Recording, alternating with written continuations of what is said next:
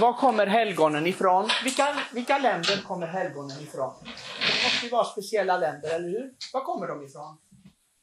Alla möjliga länder. Alla möjliga länder. Titta, jag får direkt svar som jag vill ha. Ja. Dagens helgon alltså, hon föddes inte så långt härifrån, närmare Ulricehamn. En liten by som heter Fåglavik. Är det någon som har varit i Fåglavik? Ja, det är så litet och det är så dött där så att det, jag tror inte att det är många som åker dit. Hoppas ingen som bor där lyssnar på detta nu då. Eh, I alla fall, där föddes en kvinna som hette Elisabet. Och i 20-årsåldern såg hon ut så här ungefär. Vi ska skicka runt det så ni får titta. En vacker kvinna. Jag tror att det var i 20-årsåldern, men det är klart, på den tiden hade man frisyrer som man såg ut som man var 60-70 år kanske. I alla fall. Eh, och hon utbildade sig till sjuksköterska. Eh, men hon ville bort från Sverige som väldigt många då, för hon föddes 1870. 1870, det är väldigt länge sedan. Men eh, hon var ganska så sjuklig den här kvinnan och man trodde inte att hon skulle bli inte bli sjuksköterska eller leva så länge till heller. Men hon blev faktiskt nästan 90 år gammal. Det ser man. Det är som man säger, människan spår men Gud rår. Så är det. Hon dog exakt två år innan jag föddes. Mm. Vi ska inte säga när jag föddes, för det var väldigt länge sedan. Men i alla fall. Inte på 1800-talet i alla fall. I alla fall, hon flyttade till USA, som väldigt många på den tiden. Hon jobbade i New York på ett sjukhus och eh, då höll de på att bygga den berömda St. Patrick's Cathedral. Är det några av er som har sett St. Patrick's-katedralen i, New York? Ingen? Är det bara jag? Oj, oj, oj.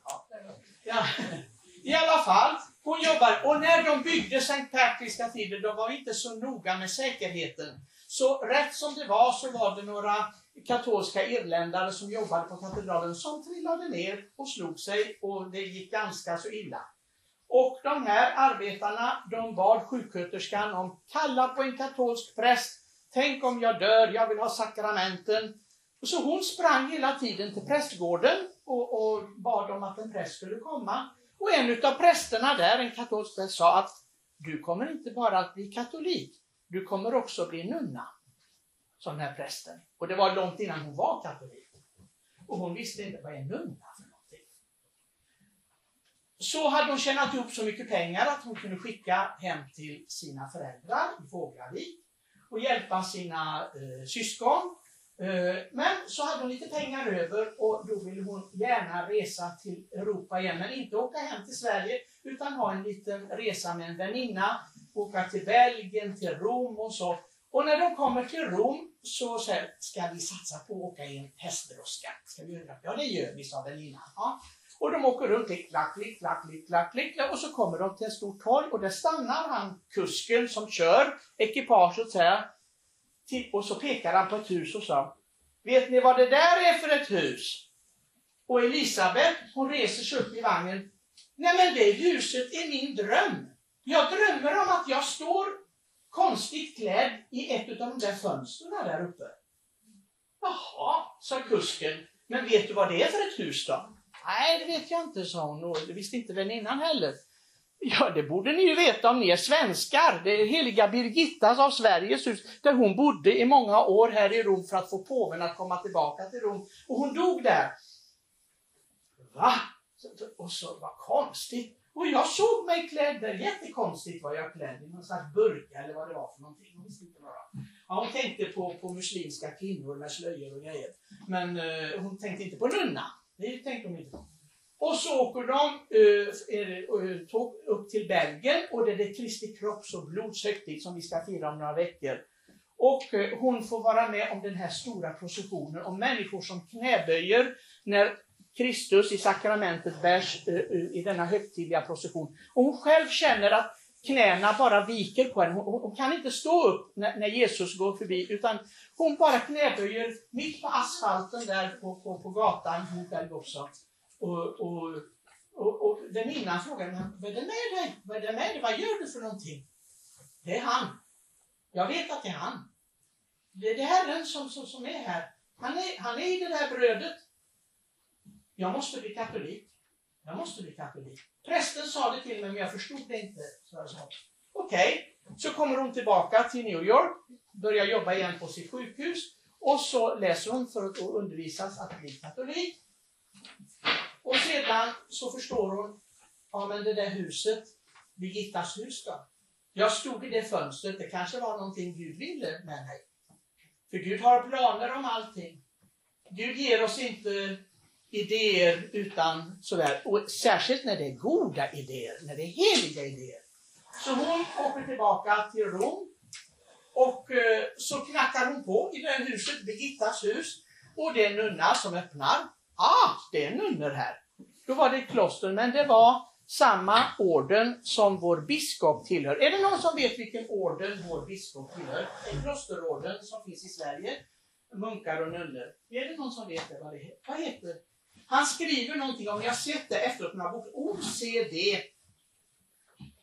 Är det någon som vet vilken orden biskopen tillhör? Karmelitorden. Så han är inte franciskan alltså? Nej, Är det giltigt i alla fall? Ja. Det är det? Ja, Ja, det är det du. Ni vet att, att det är han som är chef för, för eh, sekularfranciskanerna i Sverige. Ja, vet ni det va? Ja.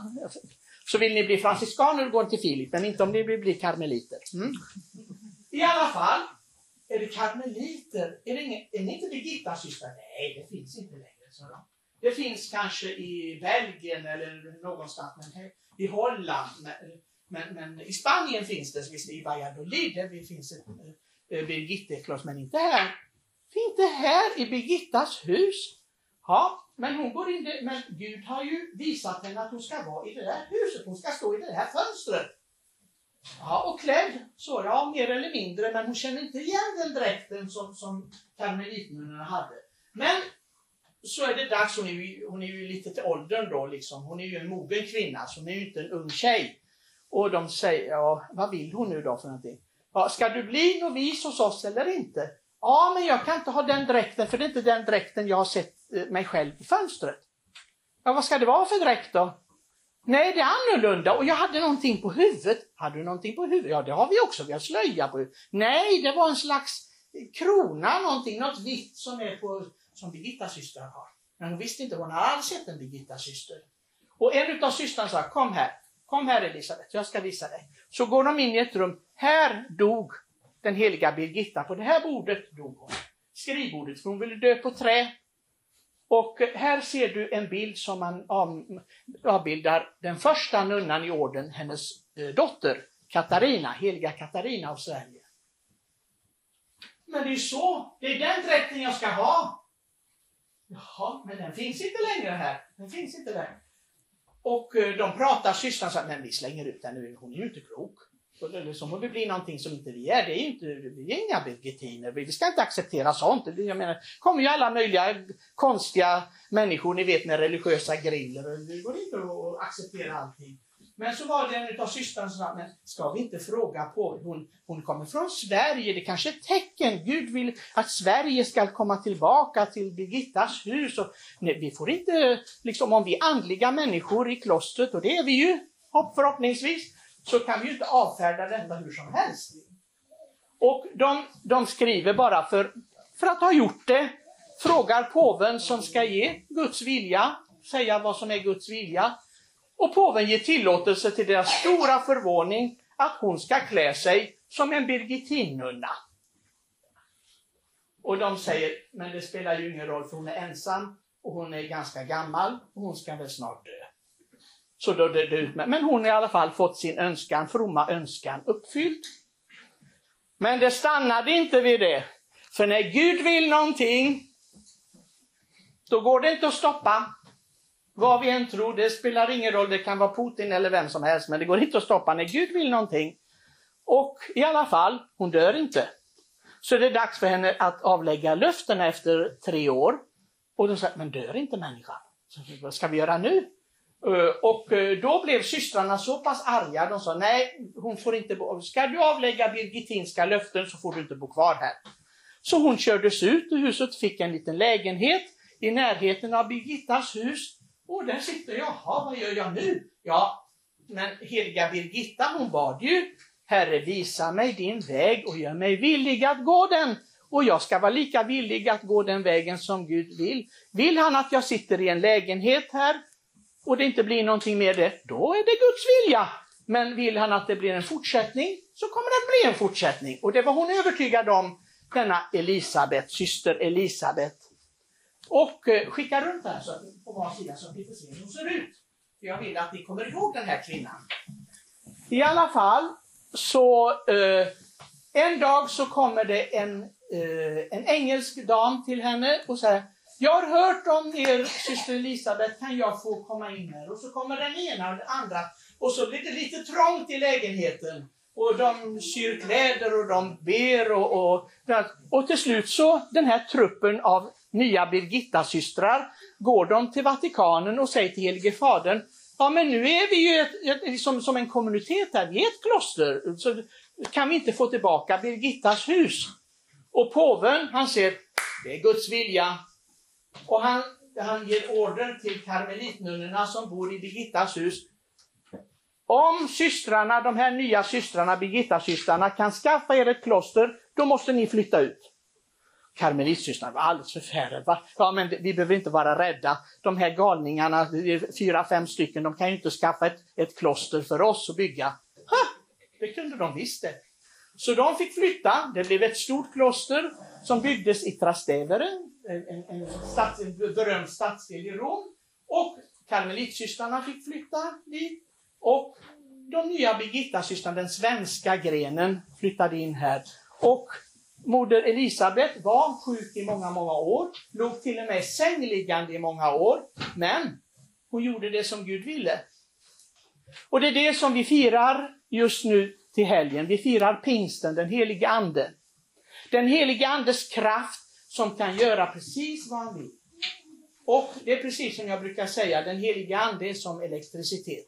Vi ser det inte med blotta ögat, men stick ni fingrarna i kontakten så får ni känna vilken kraft elektriciteten har. Vi har tyvärr en församlingsmedlem som dog på det viset. Skulle byta en lampa, han var bara i 30-årsåldern och dog, knall och fall, av elektricitet som han inte ser. Så är det. Men Guds ande, ja den dödar inte, den ger liv. Den ger liv. Och där ser vi en människa som alla trodde var dödsdömd, inte skulle kunna uträtta någonting.